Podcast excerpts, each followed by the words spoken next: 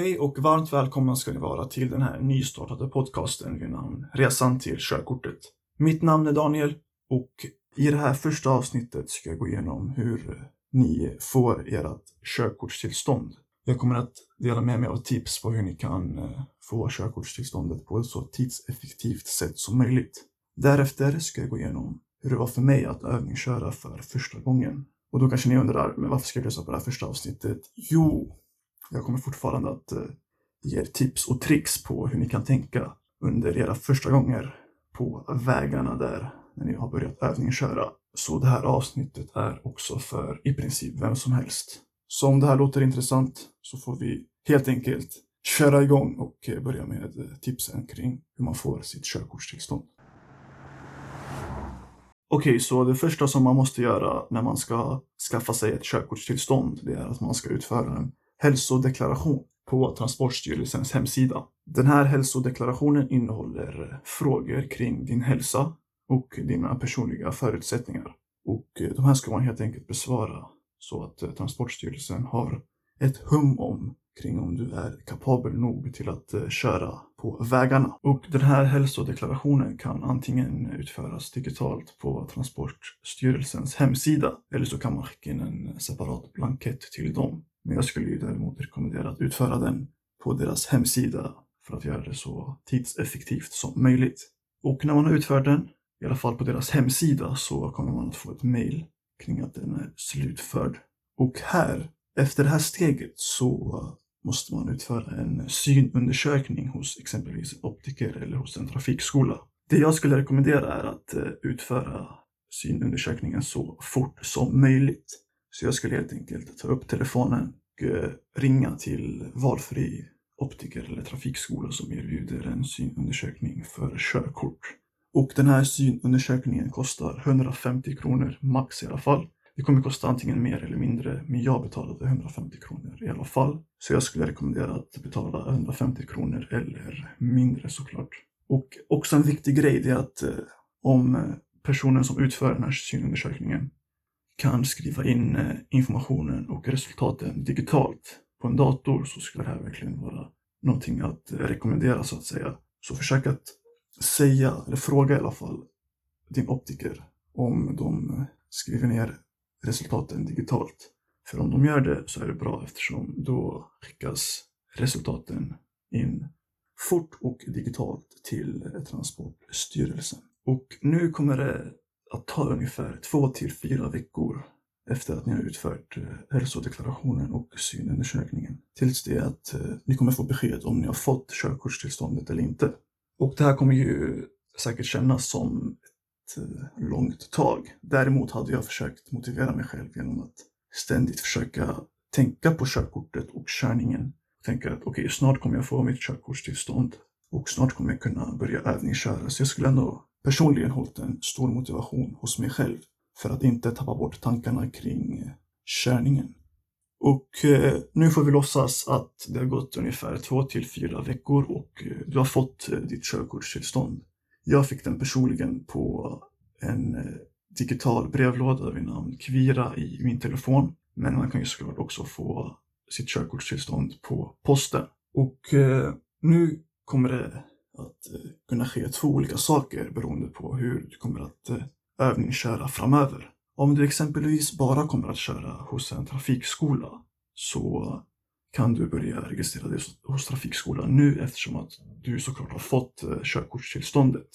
Så det är helt enkelt fritt fram att börja övningsköra. Men om du däremot eh, ska övningsköra privat, åtminstone en gång, då krävs det att eh, du för det första har en handledare och det här kan ju vara din förälder eller någon annan närstående som uppfyller kraven som Transportstyrelsen har lagt. Ni två måste utföra en så kallad introduktionsutbildning eller gå på en handledarkurs som det också heter. Och den här utförs på en trafikskola och det är ju såklart en trafiklärare som håller i den. Och här kommer ni att få information om eh, trafiken och övningskörningen och regler om trafiken som ni kan förhålla er till. Utbildningen är ungefär 3 till 4 timmar och den utförs under en dag såklart. Och eh, för min del så kostar den ungefär 330 kronor. Men Priset kan ju såklart variera beroende på vart du utför utbildningen. Så det ni kan göra är att eh, gå in på en trafikskolas hemsida och eh, helt enkelt boka en tid till eh, den här introduktionsutbildningen. Och värt att notera är att om ni väljer att utföra exempelvis då den här handledarkursen, risk 1 eller risk 2 hos en, hos en specifik eh, trafikskola, men om ni väljer att helt enkelt övningsköra hos en annan trafikskola så är det helt okej. Okay. Ni är alltså inte bundna till en specifik trafikskola bara för att ni har utfört utbildningar hos den ena men övningskört eh, hos den andra. För mig till exempel så utförde jag utbildningarna risk 1, risk 2 och handledarkursen hos en trafikskola men jag eh, övningskörde hos eh, en annan. Så nu säger vi att du och din handledare har gått på den här introduktionsutbildningen. Det som händer nu är att trafikläraren som höll i utbildningen kommer att registrera ert namn hos, eller era namn då, hos eh, Transportstyrelsen så att de också är medvetna om att ni har utfört den här eh, handledarkursen.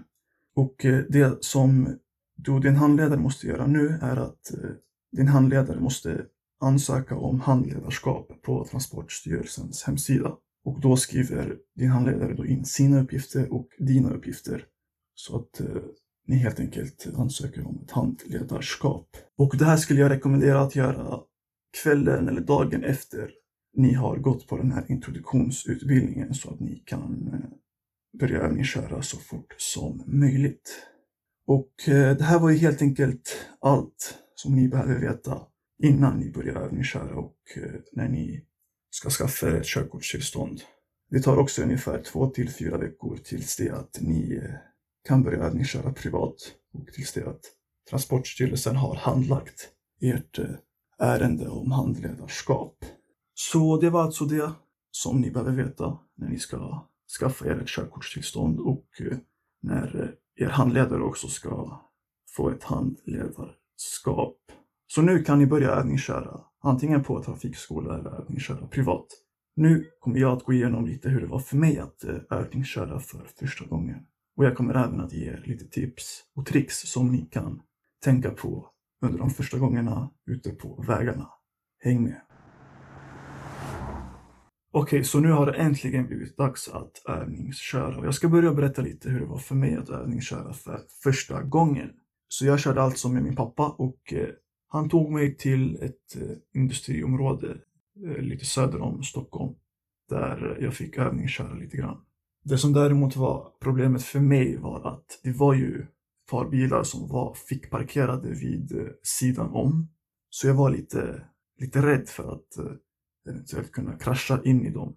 Och om jag ska vara helt ärlig så var jag inte heller så säker på körningen så jag stressade väldigt mycket den här första gången och jag ville liksom inte göra misstag eller riskera att någonting skulle hända.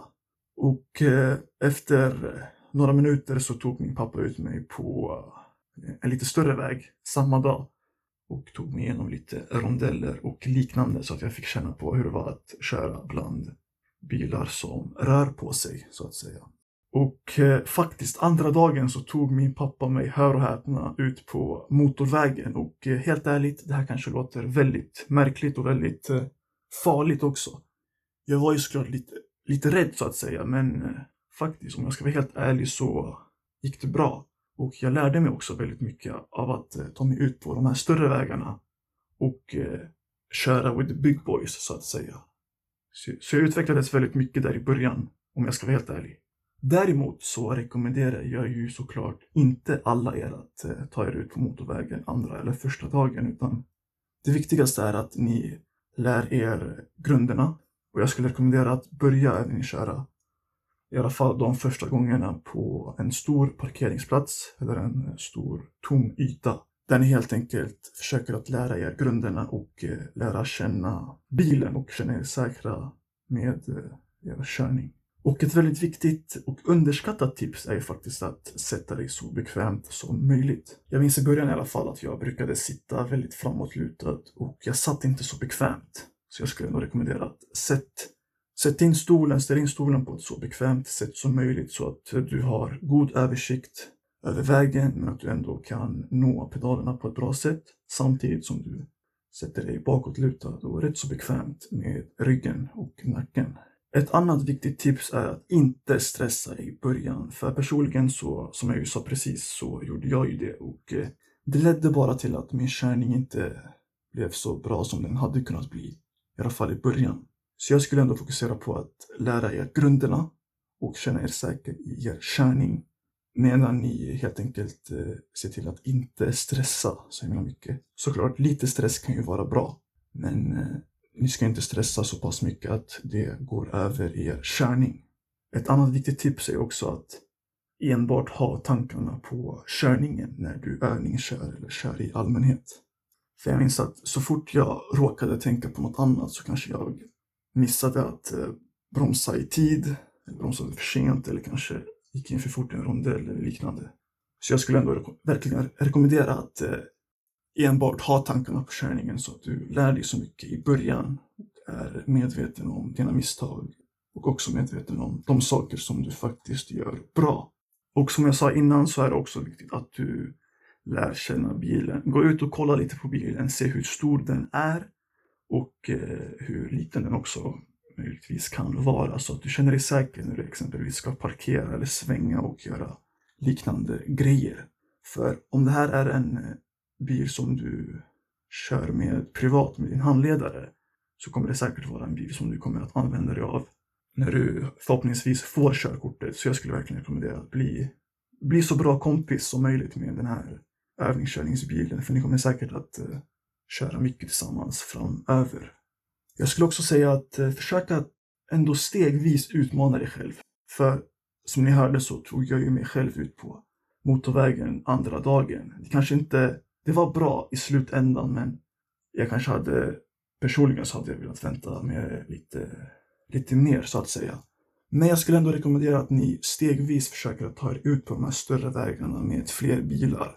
För det är ju på det här sättet som du utvecklas. Om du inte tar ut på de här större vägarna och om du bara helt enkelt kör på parkeringsplatsen under väldigt lång tid så kommer du inte utvecklas och Körningen han, handlar väldigt mycket om utveckling och erfarenhet. Ju mer du utvecklas och ju mer erfarenhet som du får bland de andra bilarna, bland de andra vägarna, desto mer kommer du per automatik att utvecklas. Och det här är också ett väldigt viktigt eh, tips. Jag märker att många närstående faktiskt, att de, när de börjar övningsköra så tyvärr så influeras de på ett negativt sätt av många andra i deras närhet. Eh, de kanske känner att eh, det stressas, att allting stressas på för mycket. Här skulle jag verkligen rekommendera att ta ett steg tillbaka och låta körningen ta den tid som det tar. Försök inte att stressa fram uppkörningen eller teoriprovet. Låt det ta den tid som det tar. Och tänk på att lära dig grunderna, men samtidigt försöka utvecklas genom att ta dig ut på lite större vägar och bland fler bilar. Såklart, du kan ju motiveras av eh, dina närstående, men försök att inte influeras på ett negativt sätt. Där de kanske försöker visa sig vara starkare och bättre på körningen än dig. Utan ta ett steg tillbaka och försök att låta körningen ta den tid som det verkligen ska ta. Ett till viktigt tips är att eh, kommunicera med din handledare eller med din trafiklärare. Vi säger exempelvis första gången som du kör. Om du inte vet vilken som är kopplingen, vilken som är gasen eller bromsen, säg det och fråga verkligen. För ju mer du frågar och ju mer du kommunicerar med din handledare eller trafiklärare, desto mer kommer du att lära dig och desto bättre kommer upplevelsen i bilen att vara för er båda. Och eh, vi säger nu att eh, du råkar göra ett fel och din handledare eller trafiklärare kritiserar dig eller säger att ah, men här gjorde du fel och bla bla bla. Försök då att inte ta kritiken personligt utan försök se det som att de försöker hjälpa dig för det är ju faktiskt det som de försöker göra också. Ta istället till dig av kritiken och försök ändra på misstagen och eh, lär dig av misstagen. Reflektera och tänk på hur du hade kunnat agera annorlunda i en sån där situation. För det spelar ingen roll om det var en väggupp som du råkade ta dig förbi allt för fort eller om du råkade slå i däcken mot kanten. Se till att lära dig av misstagen utan att egentligen ta kritiken personligt. För de försöker ju helt enkelt bara hjälpa dig och det är det viktigaste som ni bör tänka på. Ett till viktigt tips är att kör så mycket som det bara går för att kunna utvecklas. Det kommer inte funka med att köra en vecka, ta ett uppehåll på tre veckor och sen köra två gånger under en vecka och sen ta ett uppehåll på tre månader. Det gäller att vara kontinuerlig och det gäller att vara på tårna, verkligen. Om du verkligen är seriös med din eh, körkortsresa, då måste du verkligen köra och ta den tid som det måste tas för att du ska kunna få körkortet. Kör helt enkelt så mycket som möjligt för att kunna utvecklas. Och det här är också ett viktigt tips, ett sista tips också, det är att försök varva teori och praktik så att du lär dig och eh, att du är medveten om vägskyltar, vägmärken och trafiksignaler och liknande när du är ute i trafiken. För även om du tänker, okej okay, men exempelvis, om jag är 16 år gammal, jag kommer, jag måste köra upp om två år. Varför ska jag lära mig teori nu? Jag tycker att det är ett dåligt tankesätt eftersom man måste, även om du kanske inte kör så seriöst nu i början, så försök ändå att ta till vana att lär dig kring vägmärkena.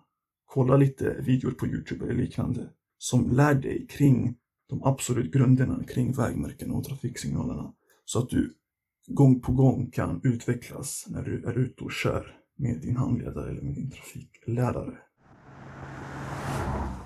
Detta var helt enkelt allt för mig för det här avsnittet. Tack så himla mycket för att ni har lyssnat på det första avsnittet av resan till körkortet.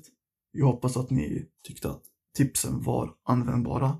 Under nästkommande avsnitt kommer jag att eh, gå igenom lite mer kring teori, provet, uppkörningen och eh, andra motivationsfaktorer som kan hjälpa er under er resa mot körkortet. Men tack i alla fall för att ni lyssnade på det här första avsnittet. Det uppskattas väldigt mycket. Jag hoppas att ni kommer att eh, få det bra under er resa mot det här körkortet och jag hoppas att jag kommer kunna hjälpa er ännu mer. Tack för att ni har lyssnat. Vi ses i nästkommande avsnitt. Kör försiktigt. Hej då.